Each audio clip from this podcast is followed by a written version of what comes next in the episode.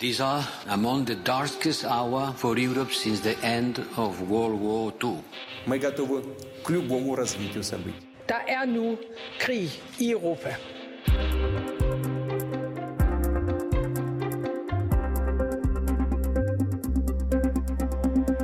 Den 7. marts bryder en soldat ind i et hus i Ukraine 70 km vest for Kiev. Soldaten, der angiveligt er tjetjener, retter sit gevær mod kvinden i huset, som han tager med sig og fører ind i et andet hus. Han gav mig en ordre, tag dit tøj af, eller jeg skyder dig. Han truede med at dræbe mig, hvis jeg ikke gjorde, som han bad mig om, og så voldtog han mig. Sådan fortæller kvinden, der har fortalt sin historie til BBC. Ifølge FN's mission, som overvåger menneskerettigheder i Ukraine, stiger antallet af voldtægter og voldsepisoder imod ukrainske kvinder i takt med krigens udvikling. Og derfor opfordrer FN nu til, at sagerne bliver undersøgt. I dagens udgave af Krig i Europa ser vi nærmere på kvinders vilkår under krigen i Ukraine og spørger, hvordan forbrydelser mod kvinder bliver brugt som et krigsvåben. Og vi skal advare om, at der kan opstå konkrete beskrivelser af overgreb undervejs, så skulle det være sagt. Jeg hedder Alexander Vilstor Hansen. Og jeg hedder Cecilie Lange, og du lytter til Krig i Europa. These are among the darkest hour for Europe since the end of World War II. Мы готовы к любому развитию событий. Der er nu krig i Europa.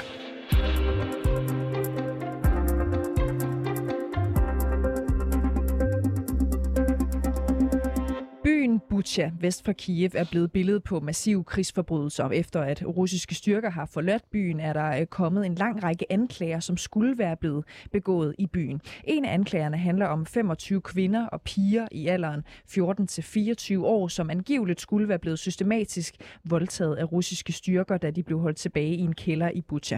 Ifølge Ludmila Denisova, der er den ukrainske ombudsmand for menneskerettigheder, er ni af kvinderne nu blevet gravide. Godmorgen, Stefan øh, Weikert. Godmorgen. Du er dansk journalist i Ukraine med os fra den øh, vestlige by øh, Ternopil, hvor du øh, hver dag taler med flygtende ukrainere. Stefan Weikert, hvordan har den her slags historie om overgreb påvirket de ukrainske kvinder, som du går og taler med? Øh, det påvirker dem rigtig meget. Især de her øh, flygtninge, som kommer øh, specielt fra den sydlige og østlige del af Ukraine, som ankommer her til det vestlige Ukraine for at få komme i sikkerhed. Altså det er netop på grund af de her historier omkring øh, overgreb omkring øh, på kvinderne, altså voldtægter, øh, overgreb på børn også, øh, som, som vi også har hørt historier om. Og så er det selvfølgelig likvidering af civile. Det er de historier, øh, hvordan de russiske soldater behandler de øh, især kvinderne, men også de civile generelt. Det er det, der får dem til at flygte nu. Lige så meget som det er historien omkring bombardementer og sådan noget, så er det de her konkrete historier om, at hvis man bliver, så det, kan man ikke bare gemme sig i en kælder, og så er man i sikkerhed. Altså, så kan det godt være, at man, man bliver voldtaget, hvis der er sådan, når russerne kommer ind. Du fortæller, at de er meget påvirket af det, de kvinder, du har talt med, øh, Stefan Weikert. Hvordan kan man mærke det? Jamen, de er rystet. Øh, altså, de ved ikke, hvordan de skal forholde sig til det, der er sket. Øhm, og de historier, som de hører, at mange af dem har, har pakket deres tasker i, i nærmest i panik, øh, især fordi, at de lokale myndigheder, ukrainske myndigheder i de her områder tæt ved frontlinjerne nu, øh, har simpelthen også har, har sagt til de her kvinder her, og de her, altså til børnene, at, at hvis I ikke tager afsted nu, jamen så, så kan vi ikke garantere sikkerhed, og så kan de ting, som er sket i de her omkring Butcher for eksempel, altså overgrebene, de kan finde sted. Så det er, det er flygtninge, det er kvinder og børn, som med alt hast har pakket deres tasker og, og stiger ud af på togstationer i det vestlige Ukraine, og, og simpelthen ikke rigtig ved, hvordan de skal forholde sig til alting, og, og, og ligesom oplever en stor kontrast fra den virkelighed, de selv kommer fra, øh, hvor der er bombardementer og frygt for, for overgreb osv., til det vestlige Ukraine, hvor det er mere roligt. Nu øh, kom jeg jo lige med et enkelt eksempel her, et skrækkeligt det der slagsen, øh, Stefan Weigert, altså øh, historie fra en kælder i Bucha, hvor enormt mange både piger og kvinder øh, var blevet øh, voldtaget og den historie står ikke alene. Så jeg vil spørge dig, hvad har du i dit arbejde hørt af historier om overgreb mod civile ukrainske kvinder øh, fra nogle af dem, som du taler med? Ja, øh, specielt så øh, kender jeg en, som har kørt evakueringer i hans øh, lokale bus, altså en helt almindelig ukrainer, som simpelthen har været buschauffør, og som valgte her i forbindelse med krigen at, at tage hans bus og så bare køre ind i de her krigsområder omkring Kiev øh, for at evakuere lokale. Og, og det, jeg har hørt fra ham af, det er horrible historier og, og, omkring øh, kvinder og børn, som, som er, altså, er blevet voldtaget. En historie har jeg selv blivet, specielt blivet mærke i, hvor han siger, at øh, en kvinde beskrev for ham, at, øh, at hun, hun gemte sig i sin baggård og kunne, og kunne se øh, over, på nabo, øh, over på nabohuset, at øh, de russiske soldater øh, at havde fanget kvinden og manden derovre og voldtog kvinden ude på pladsen, øh, mens de så øh, bagefter så skød de hende, efter de havde voldtaget hende, og så forsvandt manden, han blev hævet væk, og ham har de så ikke set øh, siden i landsbyen, så hun, altså, det, så, ja, så hende, der vidnede, øh, gisper om, at, at han også er blevet slået ihjel. Det, det er sådan nogle historier, som, som slipper ud, men de er selvfølgelig rigtig svære at verificere. Og nu kan det måske virke som et ja, mærkeligt øh, spørgsmål, øh, ud fra det, du også øh, har fortalt nu, Stefan Weigert. Og det er jo altid en fuldstændig vanvittig og vanskelig situation at være i krig. Men er der overhovedet noget, kvinderne øh, kan gøre for at beskytte sig selv mod for eksempel øh, ja, et overgreb? Ikke rigtigt. Altså, øh, de kan flygte øh, til andre dele af landet, og det er så det, som en del gør nu. Udover det, så er der ikke ret meget, de kan gøre. Øh, det er jo lovløse områder, Altså, øh, det, det er aktive kampe. Der er ikke nogen... Øh, altså, den der, den, der bestemmer, det er den, der har det største gevær, kan man sige. Så der, øh, så der er ikke nogen lov og orden andet end den lov og orden, som de ukrainske soldater har i deres område, og den lov og orden, som de russiske soldater har i deres område. Og når de skifter, så skifter magtbalancen. Og det vil sige, at hvis man er i et, i et ukrainsk eller russisk område som kvinde og, eller barn, jamen så er man simpelthen øh, prisgivet til, øh, hvordan de der russiske soldater og hvordan de ukrainske soldater behandler en. Øh, jeg ved ikke, om det er mærkeligt at bringe mig selv i spil, men jeg kan jo høre, når du fortæller, øh, Stefan Weigert, at jeg bliver simpelthen så vred. Altså, jeg bliver som kvinde så vred over at høre de ting.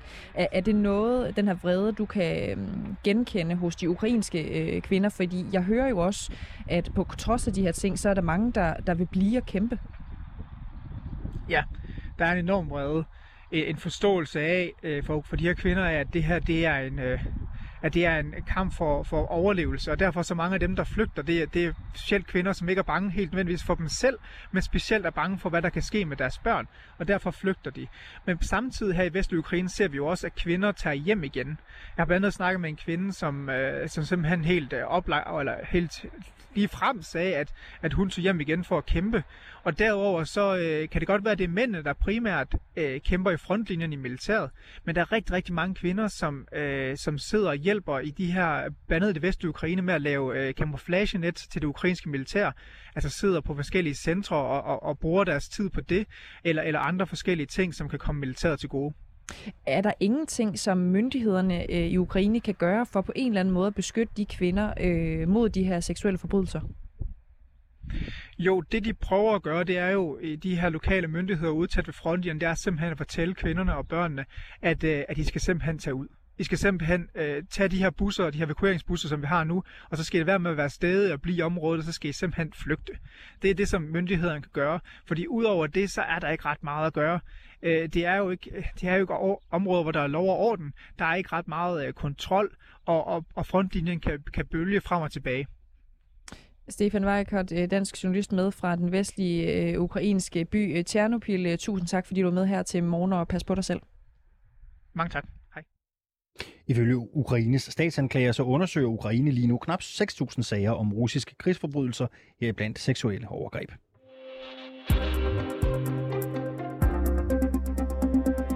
Der er behov for en nærmere undersøgelse af de voldsepisoder, der har været mod ukrainske kvinder under krigen, ikke mindst dem, som er seksuelle overgreb, lyder det fra FN.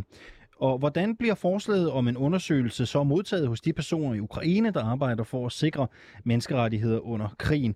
Det skal vi tale med Alexandra Matvichuk, der bor i Kiev om om lidt. Hun er jurist og leder det ukrainske center for borgerrettigheder.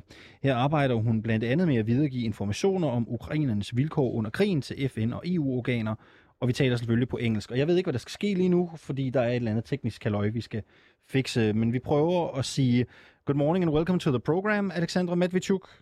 You are a human rights defender and head of Center for Civil Liberties in Ukraine.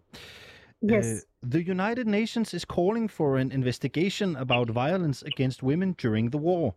What are your thoughts on such an investigation?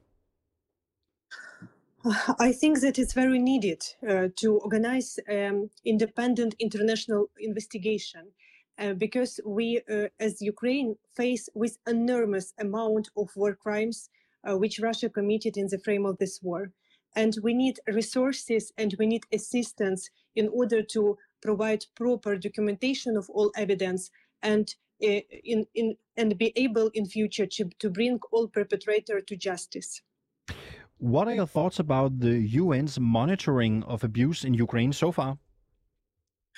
The problem with UN monitoring is that they provide this monitoring on distance. They are not present in occupied territories. They are not present in hotspots or war zones. They are not present even during the evacuation of civilians, which are uh, under constant Russian shellings. That's why in beginning of March, Euromaidan SOS published open appeal and asked UN and other international organizations to return and to ensure international presence and international monitoring on the spot. And try to describe for us what are the negative consequences of the fact that the UN is not monitoring abuse in Ukraine enough? Uh, we um, see uh, the different categories of crimes which is committed, uh, and the, the, and this provide us uh, to the uh, to conclusion that Russia used war crimes as a tool of conducting this war. They, uh, they deliberately shelling on civil objects like kindergarten, school, residential building. They deliberately attack to medical personnel and hospitals. Uh, they deliberately attack to civilian population. And you see that uh, in Bucha, Matyzhin, Vorzel, after liberation um, of occupation, international journalists and international monitors um, discover a lot of killings of civil population, rapes, and uh, abduction, and other kind of uh, uh, crime against civilians. Alexandra Matvichuk, uh, stay uh, tuned for a while, then I will just translate for our Danish uh, listeners. Det Alexandra Matvichuk siger her er, at problemet er, at FN ikke er til stede i krigsområderne eller blandt evakueringen af civile, som bliver beskudt af russerne. Uh, hun siger, at vi har bedt internationale organisationer om at vende tilbage til landet. Vi ser forskellige kategorier af krigsforbrydelser. De beskyder bevidst civile mål og hospitaler. I Bucha og andre byer, der har internationale journalister og observatører set drab på civile, voldtægter og kidnapninger. Okay, Alexandra Medvedchuk, the Ukrainian ombudswoman of human rights, uh, Ludmila Denisova, claims to have recorded acts of sexual violence by Russian troops in Bucha, where girls and women have been kept and abused in a basement for 25 days. Nine of those victims are now pregnant, the New York Times reports. When you hear this, do you see it as a single case or have you heard of other similar cases? Uh, we have uh, cases of sexual violence uh, and rapes which committed by Russian soldiers, not only in Kiev region but also in other region of Ukraine. But we are not focused on such kind of cases because our volunteers of Euromaidan SOS, who gather testimonies of victims of war crimes, are not prepared to work with such, with such sensitive cases. And in order to be able to speak with survivors of sexual violence, you have to be qualified and very prepared in order not to harm to uh, people. That's why when we get such kind of cases, we transfer them to international organization which can provide assistance to victims. Vi har set uh, seksuel vold i andre regioner af landet end Ukraine, bliver der sagt i interviewet her, men vi fokuserer ikke på den slags sager hos os. For at kunne tale med ofre for uh, seksuel vold, så uh, skal uh, man uh, være kvalificeret for ikke at øh, gentraumatisere offrene. Derfor sender vi offrene videre, siger øh, Alexandra øh, Medvedchuk. We have been talking much about the abuse and killings in Bucha, but where else in Ukraine have you heard about sexual abuse against women throughout the war? Uh, we know and get uh, contacts of victims of rape from Kharkiv region and from Sumy region and from Kiev region. But once again, we are not focused uh, on such kind of cases. And this is the most hidden crime. That's why this um, fact that even our initiative, which are not focused on, on these cases, but uh, instead of this, uh, get information about uh, concrete victims, it shows us the scope uh, of this crime. Because for each uh, woman who even in confidential way are ready to speak with uh, human rights defenders about rape there are a lot of others who will keep silence for years. Det, som Matvichuk siger i uh, svaret her, er, at vi kender til ofre i Kharkiv, Sumi og Kiev, og det er den mest skjulte krigsforbrydelser. Krigsforbrydelser, der er tale om her, den er svær øh, at, at, at opdage. Øh, uh, Matvichuk, is there some sort of a social or health security net to take care of female victims of abuse at the moment? um, it's a problem because um, we have uh, cases when victims of sexual violence uh, are for a long time in territory of uh, uh under Russian occupation. That's why Euromaidan SOS made a special memo for survivors of sexual violence. And we uh, provide contacts of different psychologists and law initiative which can provide assistance and also medical recommendation in case when victims are still in occupied territories and have no ability to apply for medical assistance. Det er problematisk, øh, fordi vi har ofre for seksuel vold, som befinder sig længe i øh, områder, der er besat, det siger Alexandra øh, Matvichuk her. Derfor laver vi vejledninger, både psykologisk og medicinsk, som de kan bruge. What measures, Matvichuk, do you see as necessary at this moment for the women of Ukraine? The, we need to stop this war. We need to stop this war crime to commit. This is the first uh, and foremost goal. Uh, now our task is not only uh, document this evidence properly, but to prevent new victims uh, to emerge. That's why we Ukraine need assistance from Western democracies in order to repel Putin and his troops from Ukraine. We need heavily weapons like fighter jets, tanks, artillery, because all international justice are delay in time, but people are suffering, people are being raped, people are being tortured now in this moment. And how fast do we need the help from the West, Alexandra Medvedchuk? We expect a heavily battle in the east and south of Ukraine these days, so as quickly as possible. Tell me, what are you expecting? Will you set some, try to set some words on that? We uh, when we speak about heavily weaponry, we need fighter jets, we need uh, air defense systems, we need uh, uh armical vehicle, we need tanks and other things which Ukraine asked for more than a month from Western democracies, still not get it. Matvichuk siger her, øh, vi skal stoppe krigen. Øh, det er det, der er nødvendigt nu. Stoppe krigsforbrydelserne. Opgaven er ikke kun at dokumentere forbrydelserne, men også at forhindre flere af dem. Og det sker kun, hvis vi kan presse russerne ud af Ukraine. Derfor har vi brug for hjælp nu. Vi skal have våben som jægerfly, luftforsvar, lastbiler og kampvogne, og vi skal have det hurtigst muligt.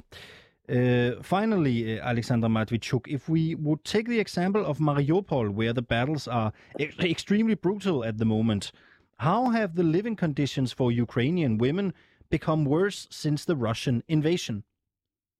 If we speak about Mariupol, I can compare the condition of people with torture because uh, Russians deliberately uh, destroyed the objects of critical civilian infrastructure they push people uh, to live for weeks uh, in basement under Russian shellings without food, water, electricity, light, medical care. It can be comparison like a hell. I Mariupol vil jeg sammenligne forholdene for, nu skal jeg lige se, hvad der står, indbyggerne med en slags tortur. Russerne har smadret infrastruktur og øh, tvunget øh, folk øh, væk. Øh, Alexandra Matvichuk, uh, thank you very much for joining the uh, interview. Thank you very much for providing me a chance.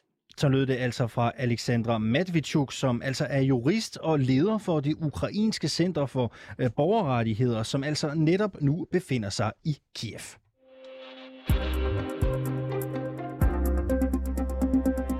Og vi har igennem øh, programmet øh, Krig i Europa hørt om øh, ukrainske kvinder, der angiveligt er blevet voldtaget af soldater, som angiveligt skulle være russiske. Både ukrainske myndigheder, men også FN's mission, der holder øje med menneskerettigheder i Ukraine, beretter om voldtægter og seksuel vold begået af russiske soldater, øh, ligesom FN nu opfordrer til en nærmere undersøgelse af den slags. Men brugen af voldtægt som et krigsvåben er faktisk slet ikke ny.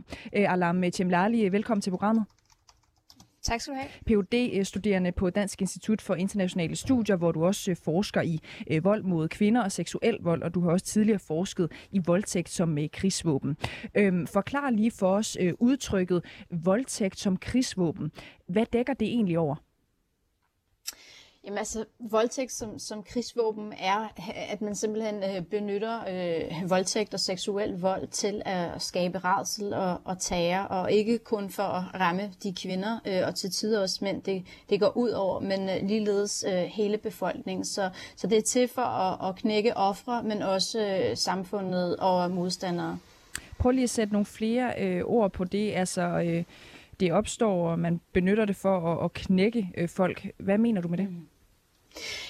Jamen altså, voldtægterne ydmyger og dehumaniserer øh, kvinderne, og, og på den måde splitter det også familier ad, øh, og man benytter det også i, øh, i konflikter og i krige, fordi at øh, alene truslen om, at, at det foregår, eller rygterne om det, kan få kvinder og, og familier til at, at flygte fra deres øh, lokalsamfund, øh, og på den måde kan man også bruge det til øh, altså en taktik til at erobre territorie på. Øh, historisk har man øh, opfattet krigsvoldtægt som en slags plyndring og erobring, øh, både af territorier og, og kvinder. Og her har kvinden og kvindekroppen jo også siden tidernes, tidernes morgen haft en, en særlig status, øh, hvor kvinderne ligesom bliver taget som et slags øh, trofæ, især på grund af deres øh, status og symbol på, på familiens ære. Øh, og, og voldtægten bringer dermed så også vandære og skam på ikke kun kvinden, men også familien og, og samfundet. Og så bliver det også øh, Øh, set som, som den her ultimative øh, kastrering og udmydelse af, af mændene, øh, der så bliver udstillet som svage, der ikke kunne forsvare deres døtre og deres kvinder. Øh, så det har det mål at, at ydmyge og dehumanisere dem, der bliver udsat for, men også intentionen om at knække modstandernes kampvilje. Så man kan sige, trods udvikling af teknologi og, og våben, øh, så er de her øh, systematiske seksuelle overgreb øh, stadig et af de stærkeste midler til at, at kunne tvinge en, en nation i knæ, og også i mange samfund er kvinden også et symbol på, på selve landet. Så, så når man voldtager hende, så voldtager man også nationen.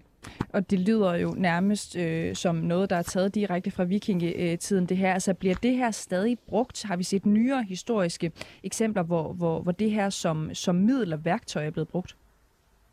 Ja, altså vi, vi ved, at det er udbredt, øh, og, og lige så længe der har været krig, altså du nævner vikingerne, og det er også helt korrekt, at gennem århundreder er det blevet brugt øh, som et våben. Øh, men vi ved også, at det er, har været en integreret del også i, i nyere øh, krige, og, og noget tyder også på, at der er sket en stigning. Øh, man kan sige, at det er delvist tilskrevet, at øh, krigene også har ændret sig fra regulær til asymmetrisk krigsførelse, altså hvor man før havde to hære, der, der kæmpede i skyttegravene, har man nu drive øh, for eksempel øh, grupperinger eller militser eller guerillagrupper. Øh, man har set det i Syrien for eksempel med IS. Øh, man ser det jo også nu i, i Ukraine, øh, hvor man er inde i byerne, øh, i landsbyer, og, og det involverer jo befolkningen på en helt anden måde. Øh, og, og meget af det handler selvfølgelig også om, at vi er blevet meget mere opmærksom på det. Øh, de seneste eksempler øh, stammer for eksempel øh, tilbage fra 2. verdenskrig, men vi har også set det i 90'erne øh, på, på Balkan, øh, krigene der. Øh, vi har set det i konflikter i Kongo, øh, i Rwanda, øh, og vi har jo senest set det fra, fra Syrien. Øhm, jeg kan ikke lade være med øh, at tænke på, om, om du føler dig 100% overbevist om, nu har vi hørt flere beretninger om, om, om hvad der svarer til seksuel vold og voldtægter af både piger og kvinder i, øh, i Ukraine. Føler du dig overbevist om, at det er det, altså øh, seksuel øh, vold som krigsvåben, der, der, der vi ser i, i de her tilfælde i Ukraine? Altså, jeg tror, det, det er meget øh, svært allerede nu på forhånd at, at konkludere noget, men eftersom vi jo ved, at, at konfliktrelateret seksuel vold altså udspiller sig i, i flere krige, så er det selvfølgelig aldrig utænkeligt, men det kræver selvfølgelig en, en, ja, en dybdegående nærmere undersøgelse og efterforskning, også for at forstå i hvor stor en grad det, det er organiseret, øh, fordi man skældner jo også mellem, øh, hvad skal man sige, en, en forrådelse og brutalitet, man ofte også ser i, i krige, øh, og jo længere man kommer ind i en krig, øh, altså som, som kan komme nedefra op, det vil sige, det kan være blandt øh, soldater, det kan være øh, blandt de grupperinger, der er på, på landjorden, hvor moralen og værdierne skrider, øh, og hvor det faktisk ikke er en, en decideret organiseret strategi, der kommer oppefra ned. Øh, så på den måde øh, bliver man selvfølgelig nødt til at, at undersøge og efterforske øh, alle de vidnesbyrd, der er og det er jo også noget af det, vi hører i hvert fald fra FN's hold, at det er noget, man søger at undersøge inden for den nærmeste fremtid. Men hvad er dit øh, bud på det egentlig, Aklam øh, Temlali? Altså, tror du, at, at øh, det vi ser i Ukraine nu, altså øh, voldtægterne, tror du, det er en strategi, som bliver beordret oppefra, øh, eller kommer det øh, nedefra? Jamen, det er jo som sagt svært at, at sige noget om øh, nu. Øh, det kræver en, en længere undersøgelse. Altså det, man har set op igennem historien, øh, hvor det er blevet brugt strategisk, øh, så har det for eksempel været brugt som et våben til etnisk udrensning. Øh, I Rwanda, folkemordet, så man, hvor man den, der var ordre på decideret at gå efter Tutsi-kvinder. Øh, man så det for eksempel i Bosnien i 90'erne, hvor øh, serberne også begik voldtægt med et politisk sigte. Altså der handlede det om øh, og, og som øh, citat at sprede den serbiske sæd og udrydde det bosniske folk, øh, og det var noget, der, der var en del af et, et manifesto. Og her handlede de serbiske soldater efter øh, ordre, øh, hvor man også beslaglagde bygninger i strategiske byer, øh, som man så lavede om til øh, voldtægtslejre, øh, hvor det så tydeligt bliver en, en del af en krigsstrategi.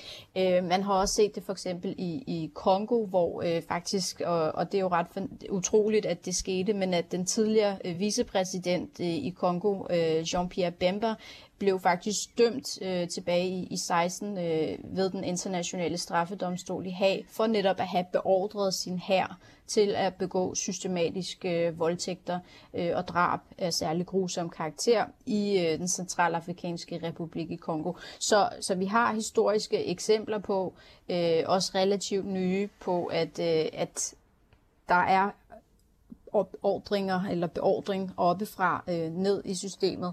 Øh, og så er der jo også hvad skal jeg sige, forskning, der viser som sagt, at det også skal komme nedefra, hvor det ikke er en decideret ordre, men hvor der er den her forråelse og, og brutalitet, som man kender, øh, og hvor det ikke decideret er en, en øh, systematisk strategi, men at det faktisk kan knytte soldater sammen, øh, da de så som enhed begår disse overgreb i, i fællesskab. Øh, så det er også den anden side af det. Øhm, sæt lige nogle ord på, øh, hvilke konsekvenser har det at bruge voldtægt som, som krigsvåben? Jamen, jeg skal sige, ud over de fysiske og psykiske følger, øh, som, som følger de her øh, kvinder øh, og til tider også øh, mænd resten af livet, så er der selvfølgelig også sociale øh, konsekvenser. Øh, mange af dem er jo øh, for evigt stemplet og kan risikere at blive ekskluderet eller isoleret øh, af familien eller samfundet. Og det kommer selvfølgelig også meget an på, øh, hvor det foregår, og altså hvilken kontekst. Øh, hvis det for eksempel foregår i, i konservative eller patriarkalske samfund, hvor man har meget stærkt definerede kønsroller, øh, Øh, og hvor ære og skam kan følge kvinden, så kan det selvfølgelig have kæmpe store konsekvenser øh, for kvinden, som kan øh, miste sin identitet, øh, sociale status, øh, ikke rigtig øh, have mulighed for at kunne blive gift igen, hvis hun nu også kan blive gravid med fjenden. Øh, så, så det har selvfølgelig øh, mange konsekvenser, og kan også have øh, konsekvenser i, i flere generationer, øh, som man også har set for, for tidligere krige hvor, øh, og konflikter, øh, hvor man er blevet gravid, øh, i, som sagt med fjenden, og, og fordi der i visse kulturer er, at, det er, at man følger øh, man siger, mandens øh, kultur og baggrund, øh, så bliver barnet jo lige pludselig en anden øh, etnicitet baggrund end, end moren. Så det kan også afspejle sig i, i samfundet øh, hvor befolkningsgrupperne jo kan blive opsplittet og ødelægge fundamentet og strukturerne i, øh, i familie og samfund indefra. Mm. Og, og lige kort øh, her til sidst, altså er det overhovedet muligt at undersøge den her slags øh, voldtægtsforbrydelser i de her okkuperede øh, områder eller byer, hvor der øh, foregår så voldsomme kampe? Jeg tænker på, at hvis man bliver udsat for en voldtægt herhjemme for eksempel, så er der jo helt faste rutiner for, hvad man så skal gøre for at, at forsikre øh, materiale. Er det overhovedet muligt at finde, øh, finde skurkene i det her? Ja, og det er, det er et rigtig godt spørgsmål, fordi det er jo netop, øh, der er en grund til, at det er rigtig svært at give tal på, øh, fordi det fortsat er meget til både tabubelagt og underrapporteret, øh, også særligt i konflikter, hvor man jo øh, lægger meget mere mærke til øh, bomber og, og kugler og ødelagt øh, infrastruktur, end, øh, end den her type øh, overgreb. Øh, og så er det jo også sjældent, at offrene træder frem, og det er jo også derfor, man, man stadig kalder det øh, en af de største krigshemmeligheder og omtales den tavse forbrydelse. Men det vigtige er selvfølgelig at, at holde over for øje, at, mm. at det er foregået, og at de her vidnesbyrd øh, også bliver fuldt op på. Ahlam øh, Tiamlali, phd studerende på Dansk Institut for Internationale Studier. Mange tak, fordi du var med øh, her til morgen. Selv tak. Du har lyttet til Krig i Europa. Redaktionen bag er Kevin øh, Shakir, Sofie Ørts og øh, Oliver Bernsen. Det var vi enige om. Ja, fuld, fuldstændig. Jeg hedder Alexander Vilsnor Og jeg hedder Cecilie Lange, og du kan finde flere udsendelser af Krig i Europa på din 24-7-app eller i den podcast, du øh, foretrækker.